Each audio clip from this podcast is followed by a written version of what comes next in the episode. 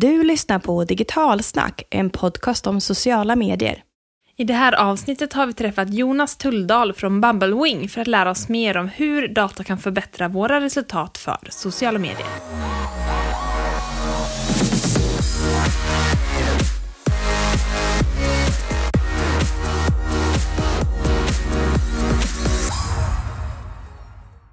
Hej och välkommen till Digitalsnack social media-podd. Det här är ju podden som har koll på alla nyckeltal i sociala medier åt er. Lite av ett favoritavsnitt för mig, eh, speciellt den här dagen då. Ja, men jag förstår ju det. Det är det faktiskt för mig också. För Jonas som gästar oss idag pratade ju också på internetdagarna förra året och det var ju ett väldigt uppskattat eh, inspel. Jag tyckte det mesta av datan var sjukt spännande som han, eh, han berättade om. Ja, alltså det var väldigt uppskattat. Det kom så mycket frågor och kommentarer efteråt också. Han delade bland annat många viktiga parametrar för just hur man ska göra när man använder data på ett framgångsrikt sätt. Bland annat hur man kan jämföra till exempel konton med andra konton eh, och profiler. Det vill säga ja, men influencers jämfört med företagskonton, alltså varumärken som har sina egna konton på sociala medier. Precis, att man inte kan jämföra eh, influencers med företagskonton eller ens ibland myndigheter med nyhetskällor mm. som har konton. Att det var väldigt olika, man måste benchmarka mot rätt konton. Och sen tyckte jag det var intressant det här med att olika inlägg på sociala kanaler skapar också olika influens som Jonas pratar mycket om. Och det kommer han ju eh, prata mer om vad han menar med influens. Det tycker jag är väldigt spännande. Men jag träffade Jonas för att grotta ner oss lite mer i 2021 års siffror. Vad kan vi utläsa och vad kan vi ta med oss till för ett bättre arbete i 2022?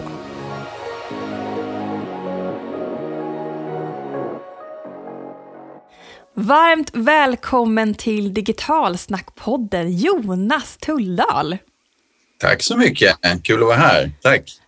Du har ju gästat oss förra året på internetdagarna och det var ett väldigt uppskattat spår där du pratade om statistik och data från er fantastiska plattform som vi ska prata mer om i det här poddavsnittet. Men jag tänkte vi kan väl först smygstarta lite med att du får berätta lite kort om dig själv och lite om Bumblewing, vad ni gör och vad ni är för någonting för våra lyssnare. Ja, det ska jag göra. Tack. Så Jonas Tulldal heter jag. Jag bor i eh, Nacka utanför Stockholm. Har eh, två, två killar, två söner. Och jag är alltså eh, grundare till, till Bumbling och, och leder arbetet med Bumbling nu. Och Bumbling är ju en, eh, en plattform för att analysera influens i sociala medier specifikt. Vi älskar ju data och vi älskar möjligheten att jobba väldigt faktabaserat med aktiviteterna i sociala medier. Och det är en plattform som är integrerad med, eh, med Instagram och Facebook och, och Twitter och den används både av, av individer och av företag och organisationer. Och för våra individer som använder det så är det gratis. Då. Så vår affärsmodell bygger på att det är företag och organisationer som vill gräva djupare. Då. Så där, där någonstans kommer vi in i, i bilden. Då. Och hur hamnade du här? Ja, bra fråga. Jag kom i kontakt väldigt mycket med eh, som rådgivare tidigare kring eh, frågor som var med eh, affiliate och online och sök och marknadsföring i sociala medier väldigt, väldigt tidigt egentligen. Och då upplevde jag att det var, fanns väldigt lite transparens och väldigt lite mätmöjligheter och alla var väldigt mycket fokuserade på att bara stirra sig blind på antal följare som respektive företag eller individ hade, vilket inte enligt oss då ger hela bilden. Och det var någonstans där som idén föddes att eh, låt oss skapa ett verktyg som är väldigt transparent och öppet och man förstår. För det fanns en del analysverktyg när vi startade Bumblewing, men de var i princip svarta lådor och så var det 400 parametrar och ingen förstod. Det spottades ut och fick en score på 73,5 och så bara så jaha, men det var väl bra, men vad betyder det och varför fick jag det? Det var ingen som visste för det var hemligt. Och då tänkte vi så här, vi skapar en, en plattform, ett analysverktyg som är fullt transparent, inget gömt, inget dolt. Alla ska förstå varför man får 75,4 och alla ska förstå hur man kan få 80 istället då, för att kunna agera på den analysen, agera på den datan. Så det var där idén eh, föddes egentligen. Och vad spännande. Om vi pratar mer om så Bumblewings plattform, vad är det man kan mäta? Var har ni liksom plockat ur den här svarta lådan? Vad är, Ja, vad är mätparametrarna som man får reda på nu vad de är? Ja, precis. Det är bra. Och vi, en viktig faktor för oss det är just transparensen. Så vi är väldigt eh, öppna med hur algoritmer fungerar. Vi har ju en proprietär algoritm för hur vi mäter influens och hur vi sätter, liksom poängsätter dem, men den är väldigt, väldigt öppen. Så den pratar vi gärna om och den är vi väldigt transparenta kring. Hela syftet är ju såklart att mäta influens i sociala medier på ett faktabaserat sätt. En av parametrarna som går in i den algoritmen är såklart antal följare som man har på respektive plattform. Men det är ett mättal som vi har. Det andra som vi tittar på är engagemangsgrad. Det är ju helt klart ett ett nyckelmått. Då. Så även om du har många följare som ingen reagerar eller agerar på det du publicerar så har det inte så stor betydelse. Då har du inte så stor influens. Då. Så vi mäter engagemangsgrad och det innebär kortfattat skulle man kunna säga då, hur stor andel av dina följare som på något sätt reagerar eller agerar på dina inlägg. Det är ett engagemangsmått. Och när vi pratar om engagemang så pratar vi om reaktioner. Och reaktioner är då som eh, likes eller kommentarer och delningar på Facebook och likes och retweets på Twitter och kommentarer och likes på, på Instagram. Så det är det vi menar är reaktioner. Så vi är inte så upptagna med eh, impressions och så som andra mäter. Vi säger inte att det är fel, men det, det fyller ett annat syfte och kanske mer utifrån ett brandbuilding Medan när vi säger, menar att influenser i sociala medier handlar om att få folk att reagera och agera på något sätt. Då. Men jag kan vara tydlig med också, för det är en fråga som kommer upp ganska ofta, att vi gör ju ingen skillnad på positiva eller negativa reaktioner eller kommentarer, utan de räknas som reaktioner i vår analysmotor på, på samma sätt egentligen. Då. Och ställer man samman Som så många här, andra plattformar, för det är, det är ju svårt att, att liksom mäta ironi exempelvis på Ja, nätet. exakt. Och det är här som är ett stort problem med alla verktyg, att för många kan vara så här, varför får jag upp den här annonsen? Och så integrerar man med den annonsen och så skriver man på annonsen och säger, jag vill inte ha den här annonsen. Nej, Men vad de gör är att de sänder en signal till Facebook att ja, jag vill integrera med det här varumärket och den här annonsen och då ser man ännu mer. Så att det är bra att du säger just det här, för att en del som kanske inte är så belärda i, inom det här området förstår inte riktigt att det går liksom inte att sålla positiv och liksom, eh, eh, negativ influens, utan det liksom samkörs. Ja. Vi har faktiskt vi har laborerat lite grann med det, det som kallas sentimentanalys, men det faller ganska ofta på, på just ironiperspektivet. Och det här brottas ju även liksom de stora techgiganterna kring. Då. Så det är svårt. Där är vi människor väldigt, väldigt bra, för vi läser av ironi väldigt snabbt. Det lär man sig tidigt, i tidig ålder. Men det är svårt att få in det i en, eh, i en maskininlärning egentligen. Då. Men vi kanske kommer dit en gång. Då. Så, men vi gör ingen skillnad idag på, på om det är positivt eller negativt eller neutralt. Vi gör heller ingen skillnad på organiskt eller sponsrat kan jag säga. För det är också en fråga som dyker upp och vi kan egentligen inte läsa ut det kan jag säga kortfattat rent tekniskt. Då. Så att den, den, den räknas som reaktioner och vi ser ingen skillnad på om det är organiskt eller sponsrat. Då. Så vår algoritm i slutändan tittar på det totalt antal reaktioner som eh, varje individ eller företag och organisation får på sina inlägg. Och vi, normalt sett så läser vi av det här utifrån ett sju dagars perspektiv, vilket är ganska kort, men vi har definierat det som en, en lämplig tidpunkt utifrån livscykeln på, på inläggen i sociala medier. Då.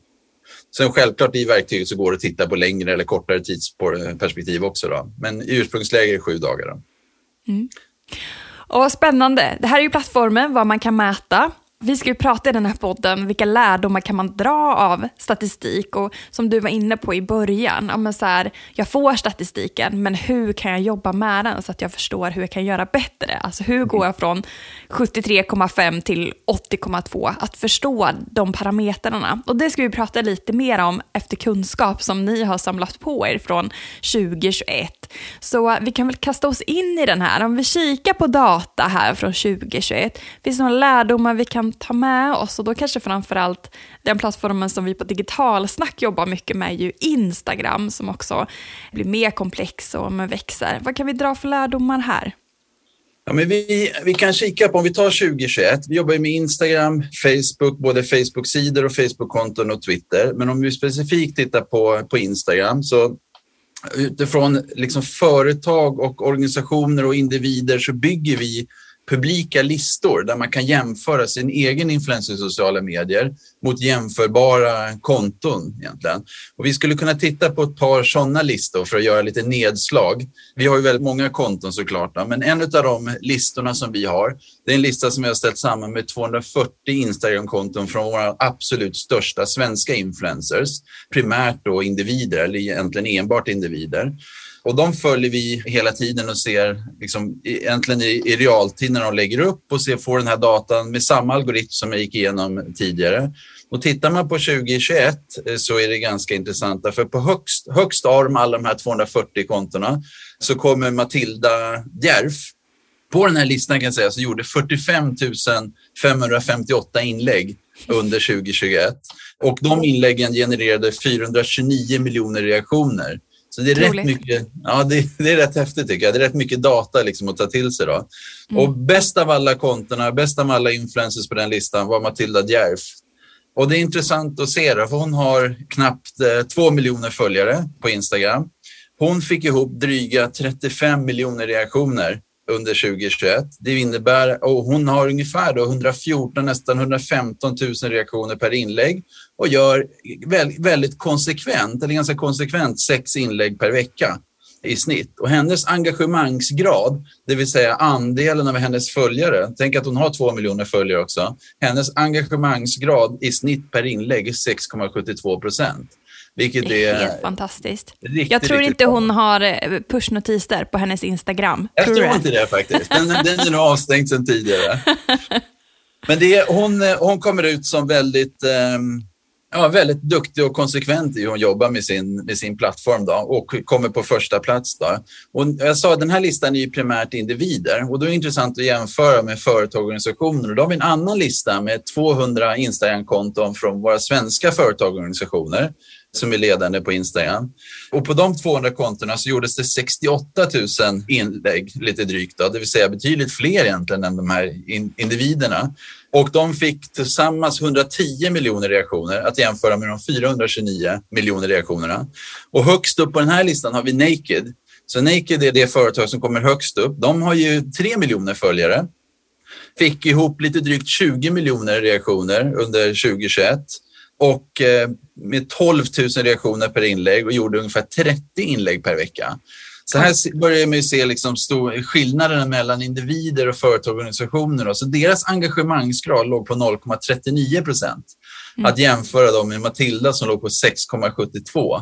Så hon gör sex inlägg per vecka, har färre antal användare, men får 35 miljoner reaktioner totalt och Naked får 20 miljoner reaktioner totalt. Och ändå är Naked bästa företagsorganisation då på, på Instagram. Mm. Och det här visar också då, där jag började, när, när vi började prata om och liksom grundade Bumbling, när alla var fokuserade på antal följare. Då är det här exemplet är ju liksom Naked är ju by far, de har ju liksom 3 miljoner följare versus knappt 2 miljoner följare. Men de är långt ifrån liksom den influens som, som Matilda har faktiskt. Och det visar vilken, vilken kraft man kan ha om man får upp engagemangsgraden egentligen. Mm. Och det som är intressant om man tittar på 2021 och de här två listorna så det som är gemensamt mellan företagsorganisationer och individer, det är typen av inlägg som verkar funka. Just 2021 så har det som har genererat flest antal reaktioner per inlägg är det här karusellinlägget där du lägger flera bilder eller videos som du kan swipa mellan. Och på andra plats så kommer bilderna och på tredje plats kommer, kommer videon. Och det är gemensamt för företag och individer. Kan ni sortera vilken typ av inlägg eller mäter ni bara som vi kallar flödesinlägg eller mäts även stories, reels? Vi har ju väldigt många olika format i GTV på Instagram.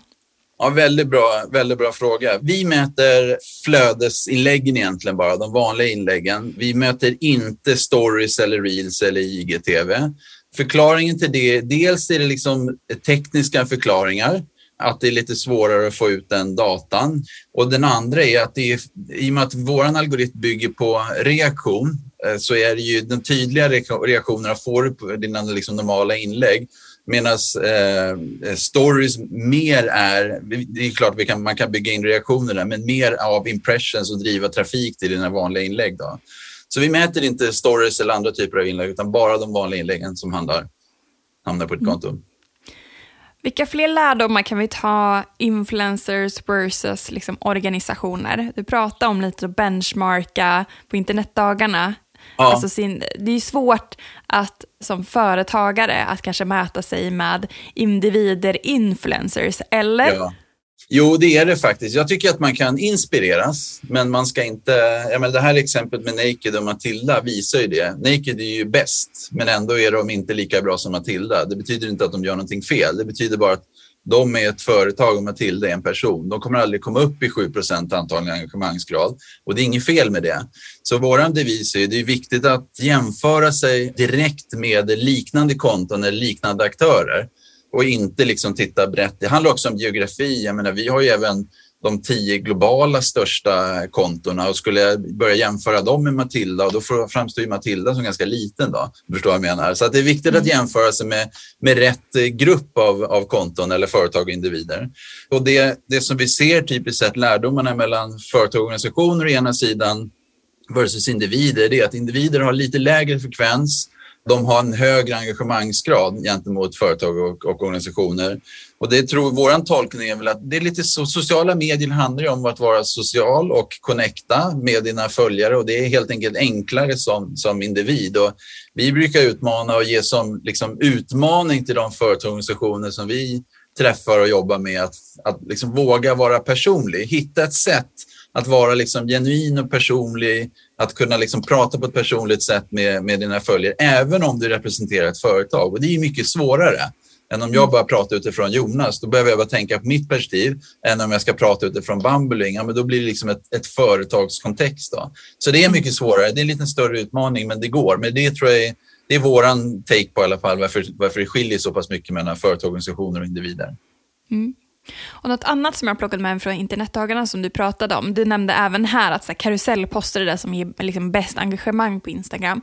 Och video kom på tredje plats och det var samma när du visade på internetdagarna, video och Facebook, att det ja. kom heller liksom inte högt upp. Nej. Men ändå pratar vi extremt mycket video, vi pratar liksom TikTokifieringen och ja.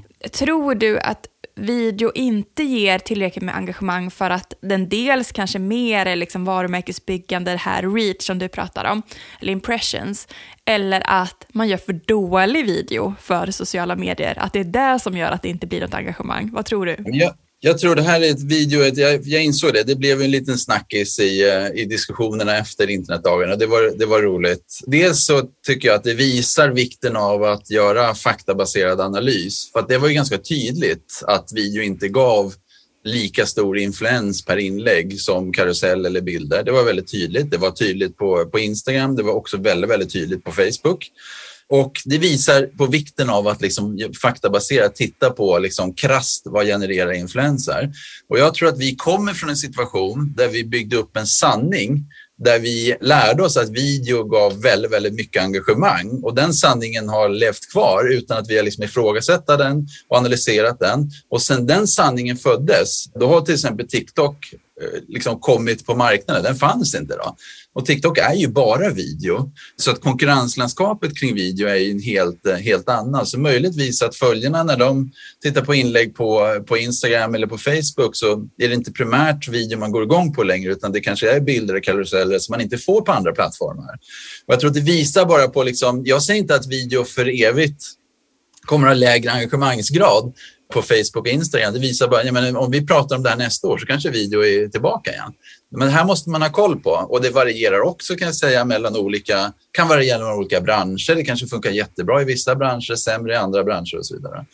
Sen är ju video svårare att producera kan man ju tycka och det har ju vi sett exempel på när man gör Alltså sociala medier vill man ju ska vara genuint och när man producerar video så tenderar det till att bli lite större apparat och då, då blir det lite mer, det blir en större apparat och det blir lite proffsigare och det är inte nödvändigtvis bättre alla gånger. För då ser det ut som producerat och lite för proffsigt kanske ibland då. Och, inte, och tappar man det genuina och då tappar man också engagemangsgrader för att det framstår mer som att det blir för tillrättalagt otroligt intressant kring just video och snälla fortsätt den här diskussionen med oss i kommentarsfältena.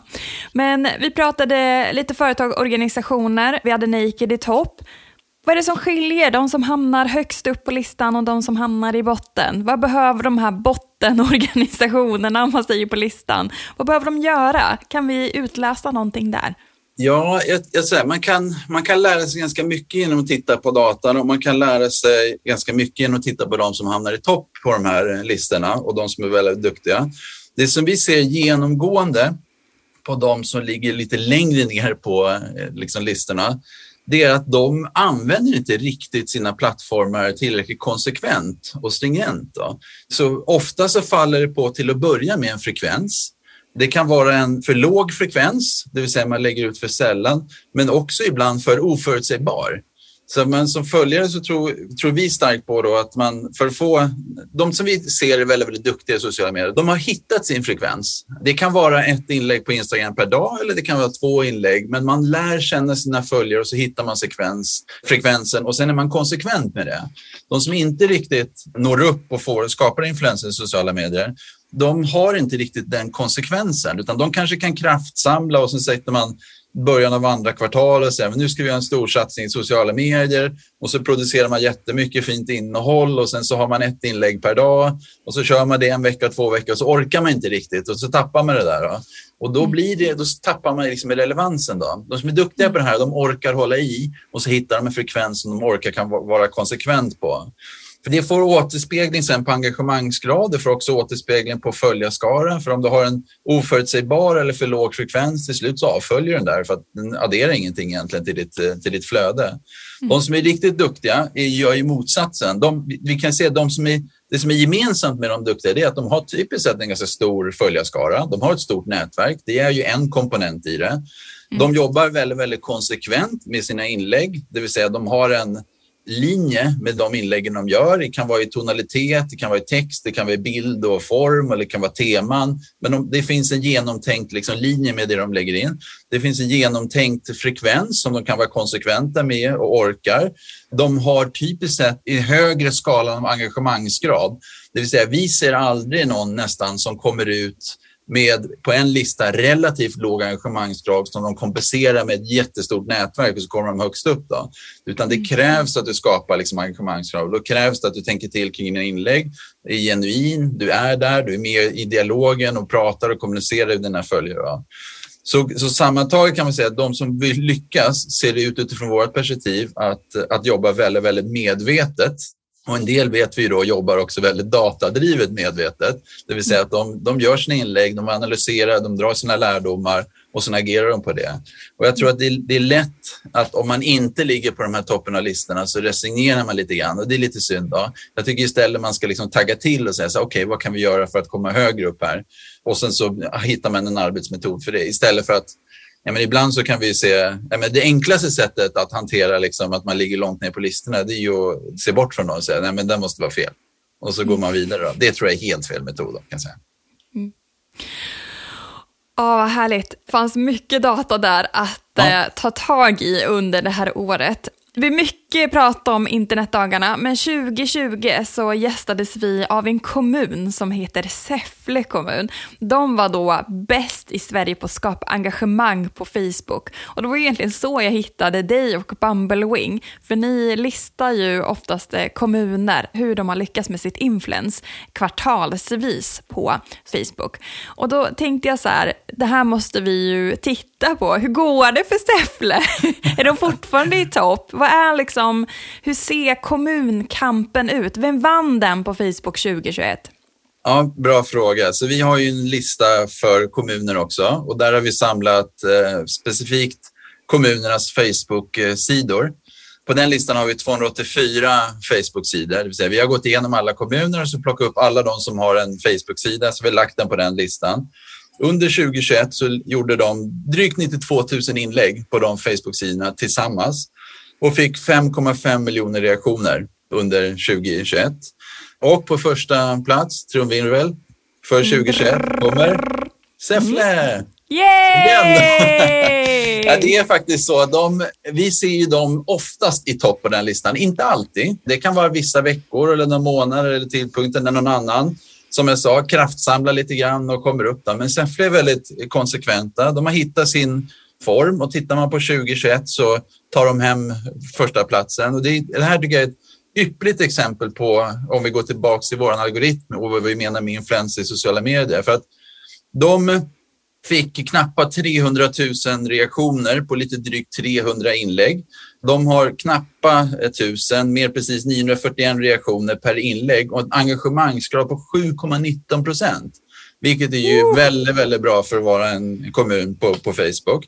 Och det som är roligt tycker jag då att de har ju långt ifrån flest antal följare. Skulle vi bara göra som förr i tiden, när vi bara rangordnar dem på följare, då skulle ju våra stora, stora kommuner komma på, på första plats. Det finns ju flera kommuner som har över 40 000 följare. Medan om du tittar på Säffle så har de 13 000 följare. Men de vinner på grund av att de, kombinationen av sin följarskara med engagemangsgrader gör att de har flest de har flest, bäst dialog och mest ett antal störst influens under 2021. Så jag tycker det är en eh, eloge till dem. De jobbar väldigt, eh, väldigt bra med sin, med sin plattform och visar att också att det handlar inte bara om totalt antal följare utan man måste också mm. jobba konsekvent med vad man lägger ut och frekvens och så vidare. Och de som lyssnar på den här podden som då inte är Säffle kommun, utan hamnar lite längre ner på den här listan, vad är dina tips här till kommunerna som vill utmana Säffle här under 2022? Ja, det första som jag tycker är att man inte ska liksom bli eh, nedslagen av sin position. Om man ligger på plats 100 så är det lätt att säga så här, men det här var ju inte roligt, liksom. det här struntar jag i, liksom. så vi fortsätter som jag alltid gjort. Det är det första man måste göra. Man måste liksom ta det här lite grann som en, eh, som en utmaning och tagga igång på det. Och sen tror jag att man ska på riktigt hitta ett konsekvent sätt att jobba med sina aktiviteter i sociala medier, där en faktabaserad analys är en central del av den. Man måste få in den på något sätt med något verktyg. Vi tycker ju Bumbling är förträffligt för det såklart, så vi ser gärna att man registrerar sig på Bumbling och börjar använda det. Då. det vad jag tycker man borde göra då, det är att på ett konsekvent sätt följa upp på ett faktabaserat sätt och se vad är det som händer med mina inlägg? Vad är det som gör att jag ligger på plats 50 och Säffle på, på nummer ett? Det, kan, det liksom tar fem minuter att se om det handlar om storlek på mitt nätverk, om det handlar om antal reaktioner per inlägg eller om det handlar om mitt engagemangsgrad eller har jag en lägre frekvens eller en för hög frekvens och så vidare. Du får ganska tydliga liksom, actions som du kan agera på och så går du tillbaka och testar det. Säger så här, Nej, men jag har lagt ut eh, två inlägg per dag. Det tyckte jag var en bra frekvens, men det visade sig att engagemangsgraden blir 0,5 procent. Så det kanske är för mycket. Ja, vi prövar. Vi går ner till ett inlägg per dag, vilket dessutom är liksom enklare att kraftsamla kring ett inlägg. Och så visade det sig att när engagemangsgraden gick upp till 2 procent, Ja, men det är den typen av liksom iterativ loop man måste få till tror jag för att, eh, för att skapa en bättre användning av sina sociala medier. Men det krävs då att man liksom jobbar konsekvent, man tar till sig data, man taggar till på det här, man är beredd att jobba konsekvent och så vidare. Det är ju hårt jobb, det är liksom ingen tvekan om det. Mm. Ja, bra sammanfattat. Och för att då sammanfatta, lägga 2021 till handlingarna, vad skulle du säga utifrån liksom dina analysglasögon här, statistik? Vad är dina ja. tre absolut bästa tips för att lyckas på sociala medier 2022? Ja, om man, om man fick ta en tillfälligt akt och, och, och marknadsföra oss lite grann så tycker jag att nummer ett är ju ändå att eh, registrera sig på bumbling.com. Som individ är det gratis. Man, då får man liksom ett verktyg att eh, börja jobba med. Jag tycker att nummer två, ta som vana att jobba faktabaserat, analys och uppföljning kring alla de aktiviteterna. Till exempel liksom börja varje måndag morgon med att dra ut en rapport, titta på analysen. Hur ser det ut? Vart ligger vi på listorna? Hur har det gått med våra inlägg? Varför har det här inlägget gått bra? Varför ligger den kommunen där eller det företaget där och så vidare. Och jag tror mycket det, det, det handlar om att vara liksom lite nyfiken. Att liksom vara nyfiken och förstå, men vänta, varför gick det här bra? Varför gick inte det där något bra? Varför är de så duktiga på det? Vrid och vänd på det och sen lär av den konklusionerna och sen så testa det. Våga testa lite nya grepp. Öka frekvensen, minska frekvensen, andra typer av inlägg och så vidare. För att liksom, och sen följa upp och sen iterera det fram och tillbaka. Så det skulle jag säga är liksom bästa tre tipsen. Registrera bumbling.com, det tycker vi eh, är absolut en bra början. Ta som vana till exempelvis varje måndag morgon. Gör din analys, titta på datan, titta på analysen och så nummer tre, lär av analysen och sen iterera, testa nya grepp. Då. Och jag tror man får, man får hitta lite sina egna vägar också för att liksom hitta ett sätt att vara personlig och genuin och lära känna sina följare och så vidare. Men utgå från, eh, från faktaanalys tycker vi då, såklart. Mm. Jätteintressant. Jag tar med mig att verkligen våga vara nyfiken, alltså förstå, alltså varför ser det ut så här? Varför får vi det här resultatet? Att få in en loop, som du sa. Hur ja. förbättrar vi det här på ett bra sätt? Komma in i och utforska liksom en loop och sen tagga igång. Se inte som att man är liksom erövrad redan, utan se det här som en ny start och tagga igång för att verkligen utmana de här högst upp på listan. Du Jonas, stort tack för att du var med i våran podd och pratade data och analys i sociala medier. Tack så mycket. Tack, tack.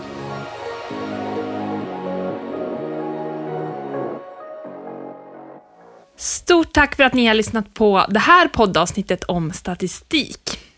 Och så mycket kärlek till er. Om ni gillar våra avsnitt med Digitalsnackpodden så dela gärna i era flöden eller tagga någon som du tror skulle vilja lyssna på Digitalsnackpodden. Tack och hej!